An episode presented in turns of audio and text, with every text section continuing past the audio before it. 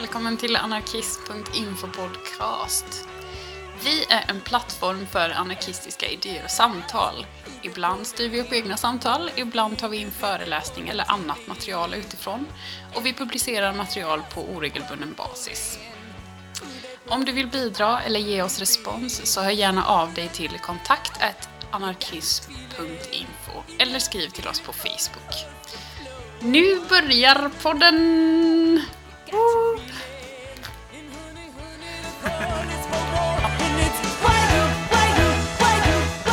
Hej och välkomna till del två av pamflettgenomgången av vår introduktionspamflett om anarkism.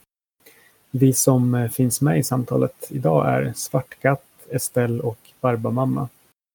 I första avsnittet pratade vi om definitionen av anarkism och kom in lite grann på anarkismen som politisk filosofi. Där pratade vi om olika förtrycksdynamiker som kapitalism, staten och rasism. Och nu kastar vi oss direkt vidare till patriarkatet. Och då har jag antecknat här att patriarkatet, precis som rasism, är en ibland institutionaliserad och ibland indirekt maktdynamik som genomsyrat de flesta samhällen och som underordnar alla som avviker från normen cisman, kan man säga. Eh, har också grunder i reella maktanspråk, exempelvis eh, reproduktionen av eh, arbetskraft eh, för, inom kapitalismen. Eh, då har ju livmoderbärare, som oftast är kvinnor men inte alltid behöver vara det, eh, skulle ju kontrolleras, underordnas och på sätt och vis ägas för att säkerställa eh, den här reproduktionen. Eh, I vissa analyser så eh, framförs patriarkatet som det första och kanske viktigaste och mest grundläggande eh, liksom förtrycket eller hierarkiska maktdynamiken. Eh, exempel på det i modern tid är ju eh, Rojava och eh, den demokratiska konfederalismen där ju Öcalan bland annat har eh, teoretiserat om eh, patriarkatet som en väldigt grundläggande eh, eh, form av förtryck och maktdynamik. Jag tänker att äh, patriarkatet äh, skulle man också kunna definiera som, ja du sa det här med att cismen har Eh, är normen som allting annat utgår ifrån. Och all, ju längre bort en person är ifrån att vara cisman, desto sämre blir personen. Eh, desto sämre villkor får personen, desto sämre sociala förutsättningar har personen. Men det finns också, man kan egentligen också bredda ut och prata om bara dynamiken mellan cis-män och ciskvinnor. Eh, för transpersoner eh, tillkommer ju en annan maktdynamik kan man säga. Eh, men relationen mellan cis-män och cis-kvinnor är ju den att cis-män har en exploaterande roll medan cis-kvinnor utnyttjas. Eh, allt ifrån obetalt arbete, eh, att det finns så kallade kvinnoyrken där då kvinnor får sämre ersättning för att det är kvinnoyrken. Och det är ofta oerhört samhällsbärande arbeten. Så vilket innebär också att kvinnor har en oerhörd, oerhört stark position att kunna störta patriarkatet. Uh, det finns massa utmaningar där såklart. Mm. Jättebra. Eh, jättebra synpunkter. Mm, verkligen. Jag håller verkligen med där. Jag har liksom ingenting att tillägga. Okej. Okay. Ja. Nej, det var uttömmande och eh, som eh, med de andra, det liksom allt det här skulle kunna vara egna avsnitt. Det är jätteviktigt. Jag, jag, tänk, jag tänker en viktig grej att flika in här är att det finns en självbild i Sverige av att Sverige är ett feministiskt land som försöker lämna patriarkatet bakom sig. Men den här bilden stämmer inte överhuvudtaget. Eh, pratar man om jämlikhet i löner så pratar man ofta om jämlikhet inom samma lönesektor eller ja, att man jobbar inom samma bransch. Men eftersom samhället är så pass segregerat att kvinnor ofta utför andra uppgifter än vad män utför och de här uppgifterna som utförs av kvinnor äh, värderas så oerhört mycket lägre. Äh, det här är ingenting som man utmanar. Man pratar om kanske ja, men lite högre löner för sjuksköterskor och så. Men det är ett genomgående systematiskt problem i äldreomsorgen, i eh, alltså, det kallas inte dagis längre, men barnomsorgen ehm, överallt i samhället. Mm, precis, det är jätteviktigt just att inte hamna i någon slags individualiserad eh, analys utan det är ett strukturellt problem som just ofta uttrycks mellan eh, olika yrkesgrupper just för att på grund av att liksom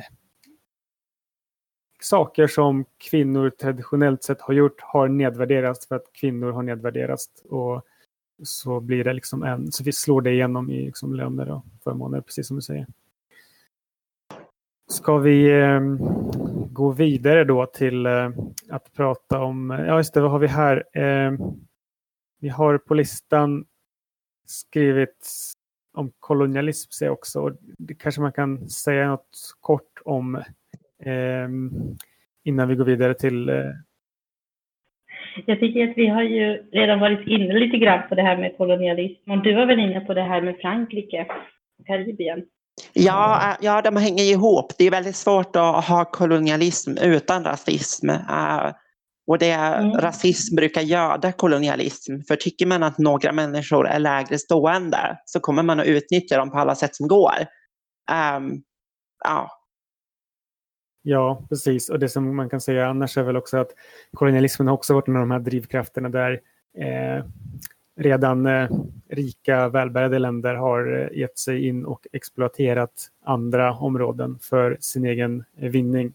Och allt det här har ju oftast varit just i full synergi med liksom nationalism och staten, kapitalismen, eh, rasistiska eh, maktstrukturer, patriarkala strukturer. Eh, och att det här inte heller bara sker mellan, typ att man tänker sig att Sverige kanske har ett kolonialt förhållande, även om Sverige inte är den kanske största kolonialmakten med, typ, med, med globala syd och liknande, utan även inom länder, att Sverige och nästan alla nationalstater har en historia av liksom, en centrum-periferi-förhållande som är liksom kolonial där eh, periferin exploateras på olika sätt på resurser, på arbetskraft eh, medan centrumet bara samlar på sig, samlar på sig. Eh, så det är liksom det är en sån här dynamik som finns. Kan, man kan se den på många olika sätt också, men den hänger jättemycket ihop med rasism bland annat.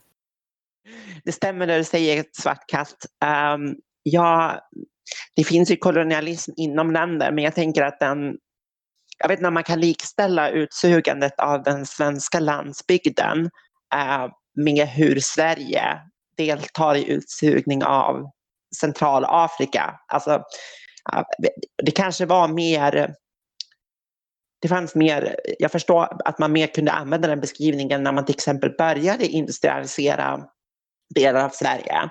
Eh, och arbetsförhållandena var oerhört dåliga. Men idag är ju liksom den globalt fattiga andelen av världens befolkning oerhört tungt exploaterad av den privilegierade minoriteten i västländer framför allt. Absolut, det är helt, helt sant. Eh, det, det går inte att jämställa de här två. Det är, liksom, det är liknande dynamik men det, det är olika saker. Ska vi um, hoppa till uh, anarkismen som en rad praktiska metoder nu och uh, lite kort börja försöka säga någonting om de som vi har listat i pamfletten? Ja. Ja. Ja, jag tycker att det... Härligt. Nej, jag tycker att det är väldigt intressant att prata om anarkismen som en praktisk metod. Mm, precis, det är ju kanske kanske det viktigaste av allt. Eh, men eh, okej, okay, eh, direktaktion har vi då pratat om. Det här är ju en klassiker. Eh, och eh, när jag tänker på direktaktion så tänker jag på att de berörda inom fråga går till handling eh, utan att be någon auktoritet eller eh, så om, eh, om lov. och det kan vara allt från liksom arbetare som, som gör någonting för att förbättra sina villkor, en ockupation, om man till exempel har en eh, sån här plan organiserad plankning för att sänka sina eh, kollektivtrafiksavgifter, eh, andra sätt att minska hyror eller andra avgifter, skatter och liknande.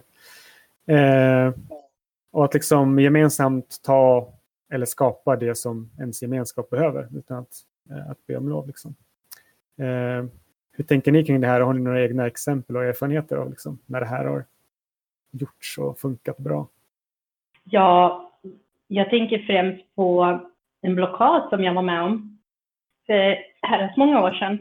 eh, en facklig blockad eh, Mm. mot en restaurang nere i södra Sverige. Ehm, det gav ju bra resultat så att säga. Ehm, men sen finns det ju andra direktaktioner också som jag har medverkat i. Till exempel ockupationsfestivalen i Lund. Ehm, och det var ju en festival då där man använde sig av direktaktion. Ehm, det var under två dagar. Första dagen så delade man upp sig i fingrar. Och de här fingrarna skulle ta sig till olika mål. Men som det är ganska vanligt med direktaktion, eh, det är ju att man stöter på repression från polisen. Ehm, eh, Dag, dag två så lyckades man då ockupera ett eh, gammalt nedlagt sjukhus. Så, och det, det blev ju utrymt sen, men eh, det var ju en, eh, ett jättebra exempel på hur man kan använda sig av direktaktion. Och det här var ju väldigt mycket i media och det var ju väldigt uppmärksammat. Så det var ju kul. Det var ju en våg av, eh, eller det var ju liksom en våg av ockupationer, vad man ska säga. Det här var ju en tid då det skedde ett flertal ockupationer i södra Sverige. Mm. Ja, Det är ett jättebra. exempel på hur en direktaktion kan gå till. Jag tänker att direktaktion kan definieras som att eh, utsatta eller utsugna, maktlösa människor. Eh, det de gör är att istället för att försöka förändra saker genom befintliga institutioner så tar de direkt makt och agerar utifrån sitt eget intresse, vad det nu än är. Eh, så direktaktion kan till exempel vara när eh, någon blir vräkt och då bestämmer sig de som jobbar med att flytta saker, flytta ja, det som kallades flyttgubbar, men eh, ja, vem som, vilket kön som helst kan flytta saker. Ehm, de personer som flyttar saker, det de gör är att de strejkar. Och på så vis så förebygger de då att de här personerna kommer bli vräkta. Men det kan också vara direktaktion som så att personer som jobbar på elbolag som kräver pengar från personerna som bor där helt enkelt förstör räkningarna.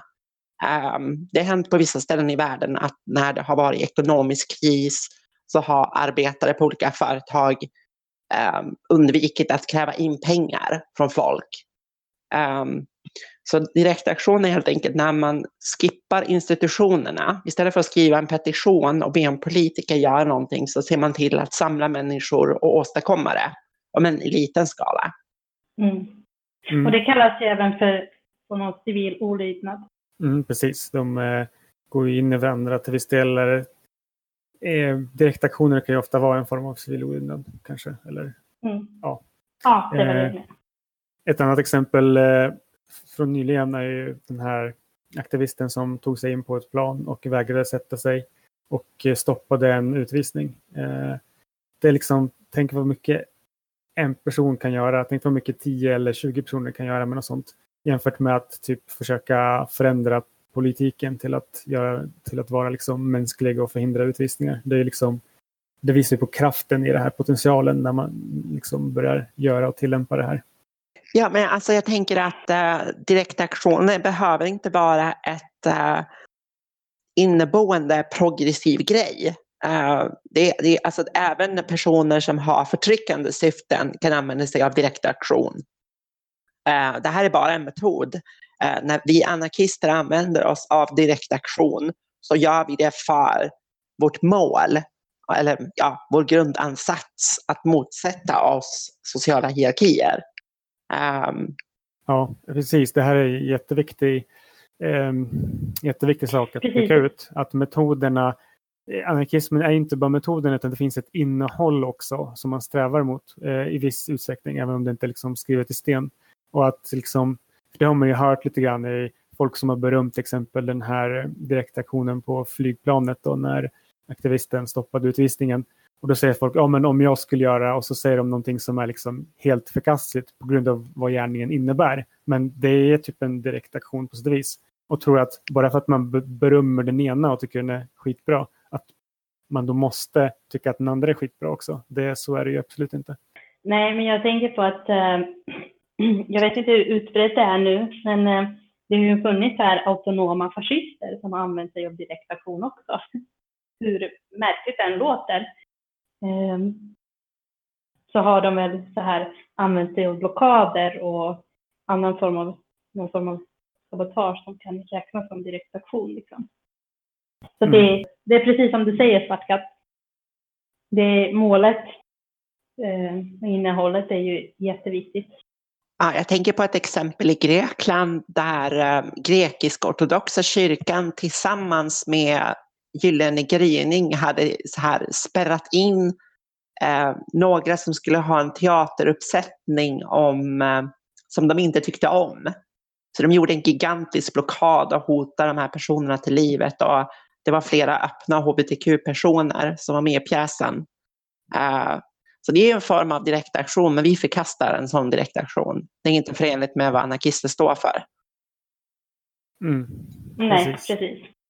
Ja, finns det något annat sätt som... Eh, finns det någon fler praktiska, praktiska metoder som anarkister står för? Jag tänker på pressfiguration. Det är ett eh, inte så jättevanligt ord. Vi kanske ska förklara vad det betyder. Ja, precis. Det finns ju en typ en svensk eh, synonym förebilda, säger man ibland tror jag. Att man försöker förebilda mm. någonting. Och det är liksom lite grann att, jag tror det är ett gammalt så här, syndikalistiskt uttryck, att så här, bygga den nya världen i skalet av det gamla. Och eh, det har väl att göra liksom med att målen och medlen ska vara så lika varandra som möjligt. Eh, och man försöker organisera och agera på ett sätt som eh, man skulle vilja se på stor skala i framtiden.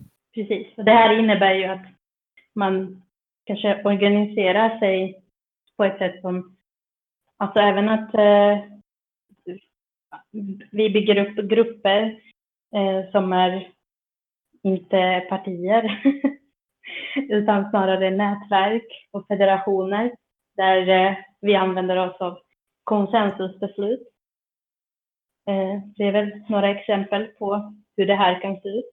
Eh, ja, exakt. Och eh, det här kan man ju påpeka igen också att det är ju mycket av en process och att det, inte, det här förebildandet eller prefigurerandet det är inte så att man har en helt fast klar mall i huvudet och det är den man måste bygga. Utan det handlar om att föreställa sig från vår nuvarande situation. Hur vill vi? Vad önskar vi oss? Liksom, hur ska det vara? Vad, vad vill vi ha? Och vad funkar bäst? Och försöka jobba enligt de, eh, de principerna. Och sen förändras det hela tiden längs vägens gång. Liksom.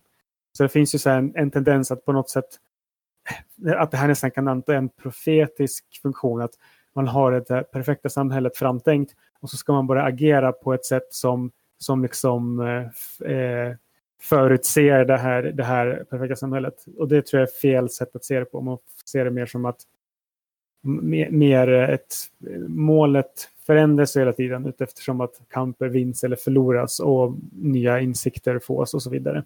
Så det tror jag är viktigt att poängtera lite också. Precis. Jag tänker att um en viktig distinktion här är ju mellan oss och andra former av socialister. Eh, för vi är måna om att vår kamp eh, speglar det vi strävar efter.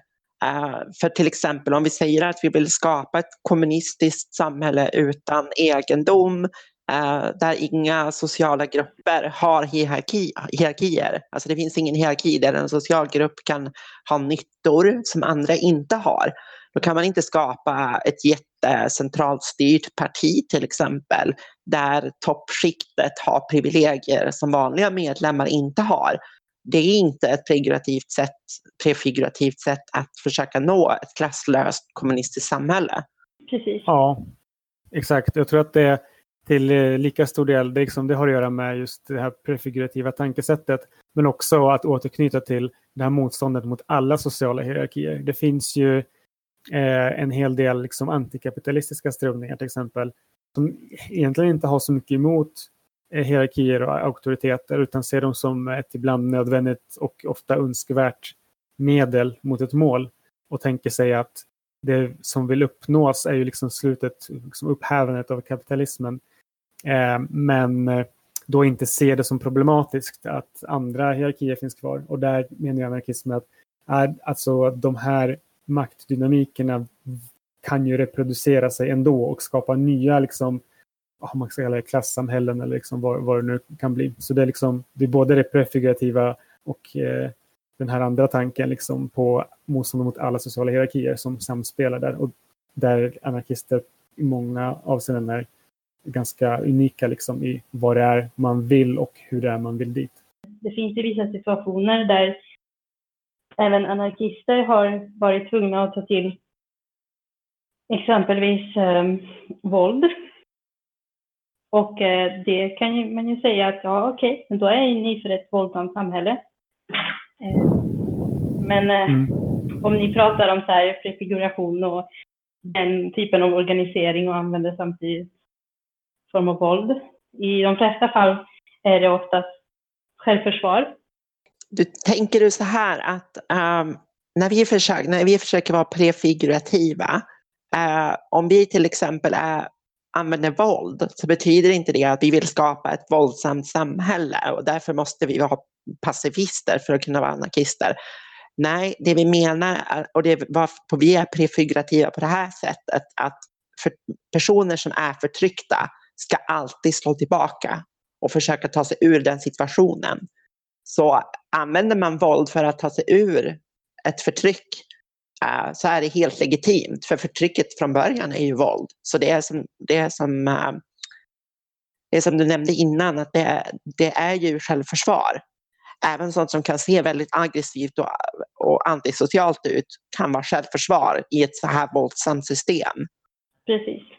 Mm. Sen är det ju viktigt att påpeka att det kan vara så, alltså det finns en, definitivt en tendens att glorifiera våld och att se det som en alltför enkel lösning eh, och, ham och hamna där. Och då börjar man reproducera eh, liksom mer och mer våldsam eh, miljö som kan ha många olika negativa konsekvenser. Eh, så det, den risken finns ju. Eh, utan att, och att erkänna den risken innebär inte att man nödvändigtvis behöver vara pacifist. Sen är det också med prefigurativ eh, politik eh, och prefiguration att det handlar just inte om perfektion utan liksom om en strävan. Det, liksom, det, det, det kommer inte vara perfekt och det handlar, handlar om att sträva eh, mot någonting. Och när det gäller just våld så är det på det stora hela är, är ju anarkismen mot väldigt mycket mot våld. Mycket mer så än liksom, eh, liberala demokratier och liksom, stater och liknande eh, i och med att liksom, den är antimilitaristisk. Eh, men ibland så, blir, så anser många anarkister att det finns eh, en maktdynamik som skadar människor mer direkt som, som det kanske inte finns några alternativ än att, eh, än att ta till våld. Eh, det finns väl något sånt, eh, sånt citat eh, eh om att eh, någon får fylla i om, om vi vet vem det här är, men för att icke-våld ska fungera så måste din motståndare ha eh, ett samvete. Eh, och många av de så att säga, abstrakta motståndare och deras, de personer som liksom personifierar dem i dagens samhälle kan inte sägas ha något samvete. Precis. Det kan ja, vi också jag... ha ett helt annat avsnitt om. Mm. Men jag tänker att framförallt så har inte institutioner samvete. Uh, även om personer kan ha det, så har inte polisväsendet ett samvete. Mm. Nej, precis. Okej. Okay. Eh, gå vidare. Ömsesidig hjälp. Eh, det, är, det är väl en tendens, det är ett bejakande av eh, människors och andra djurs tendenser att hjälpa varandra. Eh, och det kom väl som ett svar på en på en läsning av Darwin eh, med den evolutionsläran som populariserades där på 1800-talet kanske. Eh, där det blev liksom lite grann den starkes överlevnad, tävling och konkurrens. Och då var det framförallt många eh, ryska eh, biologer, antropologer som, som, som försökte väga emot där. Och bland annat en känd rysk anarkist, Peter Piotr Kropotkin. Ehm, Försökte ju att visa på att eh, ja, det finns konkurrens i både bland djur och människor, men det finns också en tendens, eh, in, en impuls till ömsesidig hjälp. Eh, och då blir frågan lite mer, inte att vi har någon slags fix natur och att man måste tro på att människan är inneboende fantastisk för att kunna propagera för ett bättre samhälle. Utan att se att vi har massor med olika tendenser eh, till saker. De är ibland till och med motstridiga mot varandra. Men att bygga, frågan är snarare vilka av de tendenserna tror vi kan bygga ett som samhälle där allas välmående och behov tillgodoses. Och då liksom, därifrån kommer betoningen på ömsesidig hjälp. Så det är både någonting som man observerar, det här finns redan. Och så tänker man, det här vill vi främja för att det ska liksom, det här är en bra grundsten för det samhället vi vill se. Vad tänker ni om ömsesidig hjälp?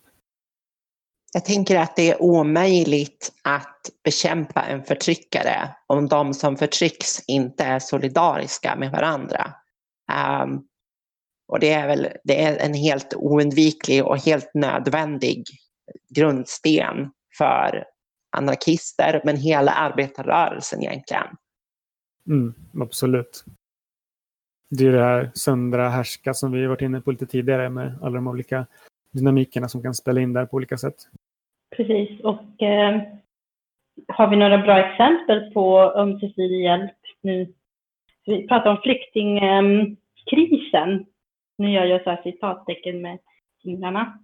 Men eh, kan man räkna in det som någon form av ömsesidig hjälp när det var så många människor som frivilligt ställde upp? För det tycker jag absolut. människor som hade flytt kriget 2015, den stora vågen. Absolut. Det är ett jättebra exempel. Och det går ju att knyta an till en, eh, en eh, liksom, tendens som man skulle kunna kalla eh, för katastrofanarkism. Och det är något som också observeras i allt från eh, alltså stormar liksom, och den typen av typ inom citationstecken naturkatastrofer som oftast faktiskt har ganska mycket sociala eh, eh orsaker eh, som flyktingströmmar och eh, terrorattentat och liknande. Att när de här hierarkiska institutionerna drar sig tillbaka så det som tenderar hända är att människor, främlingar, eh, går ihop och bygger upp de här nätverken av ömsesidig hjälp som verkligen behövs i det sammanhanget. Och tvärt emot den här eh, zombie-apokalyps-stereotyperna liksom, och vad all typ, populärmedia skulle vilja få oss att tro. Att liksom ett så här, postapokalyptiskt samhälle skulle vara en här dog eat dog-värld där alla bara, liksom, bara vill mörda varandra för en brödbit.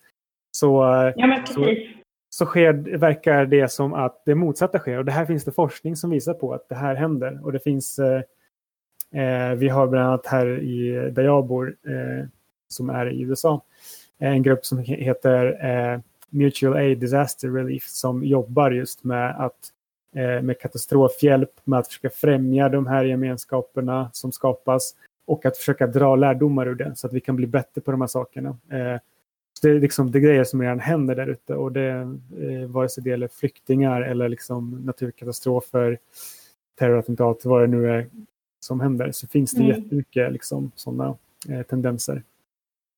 Ja, men alltså jag, jag har jättebra exempel från Grekland. Eh, jag, eh, jag, jag, vill inte säga exakt vilket årtal det var, för att jag är inte säker på det. Men eh, det var den här eh, kapitalistiska krisen, när, eh, när började den i Grekland nu igen? Alltså, någonstans mellan 2018 och 2015 hände det här. Att det var så himla många människor som inte kunde betala sina elräkningar.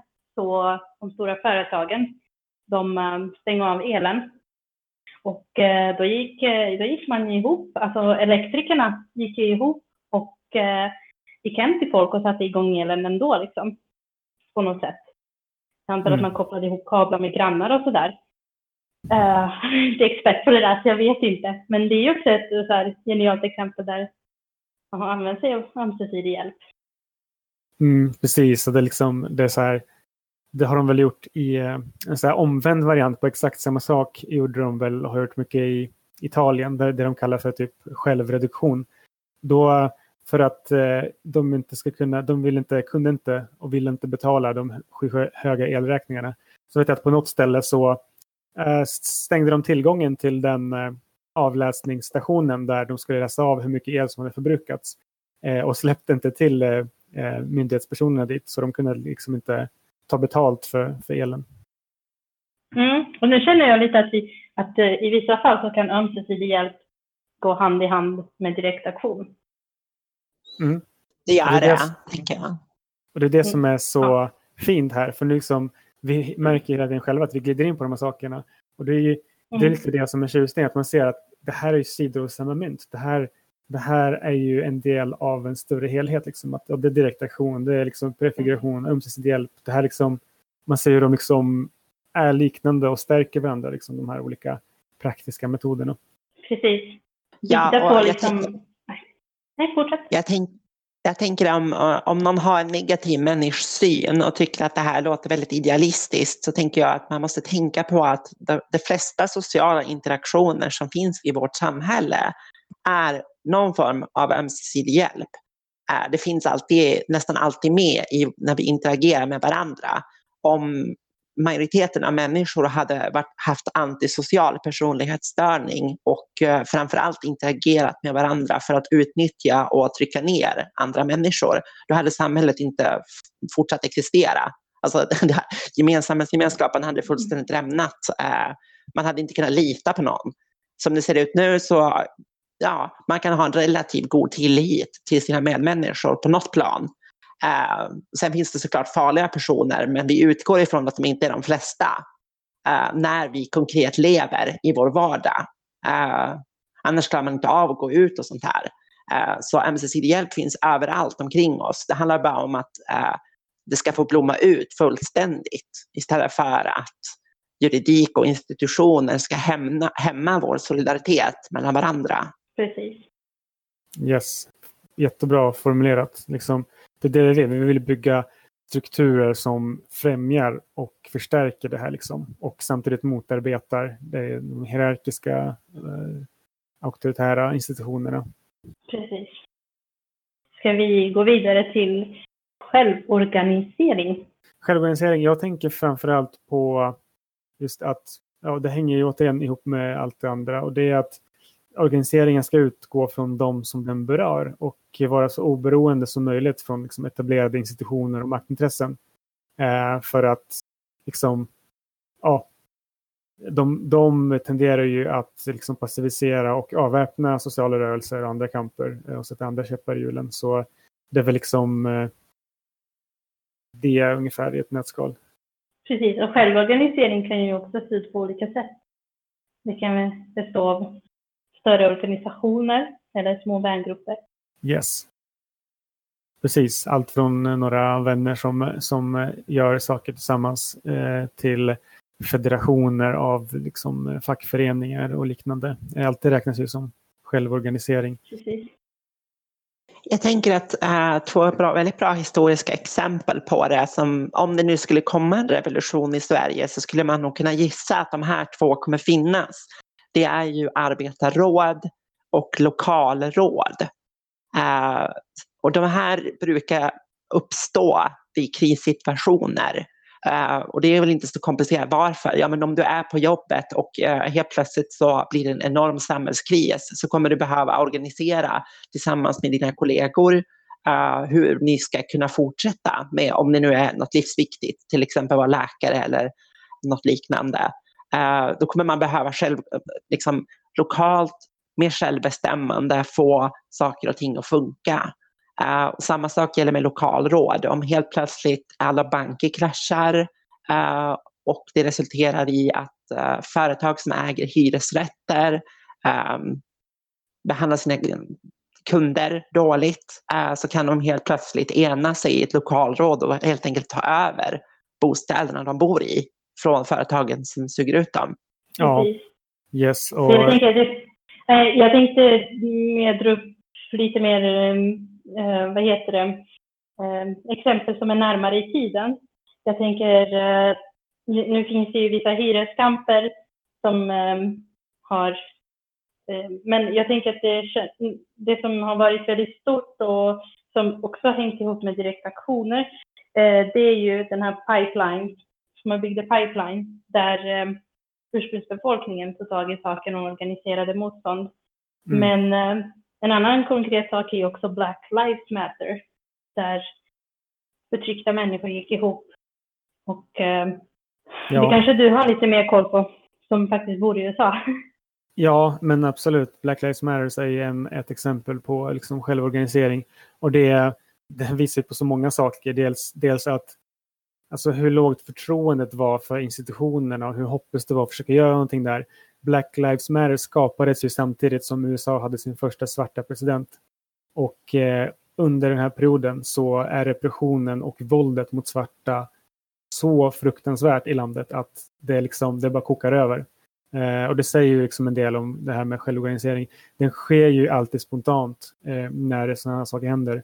Men det är inte heller detsamma som att säga att man bara ska sitta och vänta på att det ska ske spontant. Jag tror det, vi kommer nog komma in på det mer när vi kanske pratar om eh, annat lite senare. Men det är viktigt att bygga de här strukturerna. Eh, men eh, de kommer också att eh, uppkomma, mycket av det kommer att uppkomma och eh, visar vid sådana här tillfällen hur tröga och omedgörliga de här institutionerna är. Även när det kanske till synes en person vid makten som man av olika anledningar tror eh, skulle representera en så, så är institutionerna mm. och maktdynamiken starkare än sådana individuella liksom, eh, ikoner. Eh, och det, ja, det är lite självorganiseringens liksom, eh, styrka, eller självorganiseringen är ju svaret på det. Ja, man kanske skulle säga självorganisering underifrån.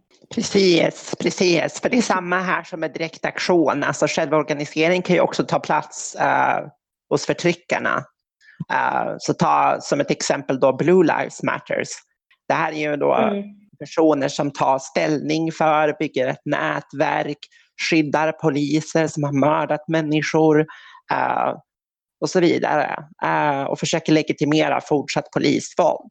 Men det är en exempel på självorganisering när till exempel poliser spontant organiserar sig på det sättet. Men det är såklart inte förenligt med våra mål som anarkister. Um, Nej, precis. Och då går vi ju tillbaka till det vi var inne på förut, att det är målet och innehållet av aktioner, organisering är väldigt viktigt. Och det är väl det som gör det här till en anarkistisk metod, till skillnad från annat. Mm, precis, Andra den får en speciell, den får en speciell innebörd. Liksom. Eh, eh, den fylls med ett speciellt innehåll till viss del kan man säga. Som en del av anarkismen. Det, är inte bara, det går inte bara att slita den från allt annat och tro att ja, men, nu gör vi självorganisering och det är alltid bra. Man kan väl summera det så här att när det kommer till metoder så både vänstern och högern, eh, om man använder det begreppet, eh, har sidor som tycker att nej, det är bäst vi förmedlar våra åsikter och övertygelser och vad vi vill åstadkomma genom befintliga institutioner. Eh, och så finns det då de som tycker att nej, det smartaste är att gå förbi institutionerna för att skapa en ny verklighet. Eh, så här har ju då vår meningsmotståndare på högerkanten har ju tagit till sig flera av de här sakerna för att det är effektiva metoder att förändra saker. Eh, och jag tänker att våra anarkistiska mål, när de förenas med våra metoder, så blir det liksom en, en ideologi på riktigt. Uh, det är inte den kritiken av hierarkier i sig som gör att vi blir anarkister. Tar man exempel så, jag tror att J.R. Tolkien hade förhållandevis anarkistisk kritik av eh, samhället. Men J.R. Tolkien organiserade sig aldrig eh, i frihetligt socialistiska grupper. Det var inte så att Tolkien var oerhört aktiv i arbetarkamper lokalt i Storbritannien. Utan om det är så att du tycker de här sakerna vid ett skrivbord, det kommer inte göra dig till en anarkist. Du måste förena det med att vara delaktig i kampen mot förtryckarna i vårt samhälle. Absolut, det, det är så viktigt mm. att det, anarkism är någonting man gör främst snarare än någonting man är. Det, det är åtminstone det som betyder någonting. Precis. Ska vi avrunda här och... Eh... Precis, ja. det tycker jag låter jättebra. Fantastisk avslutning. Ja, tack för att ni har lyssnat och vi hörs snart i del tre. Hej då!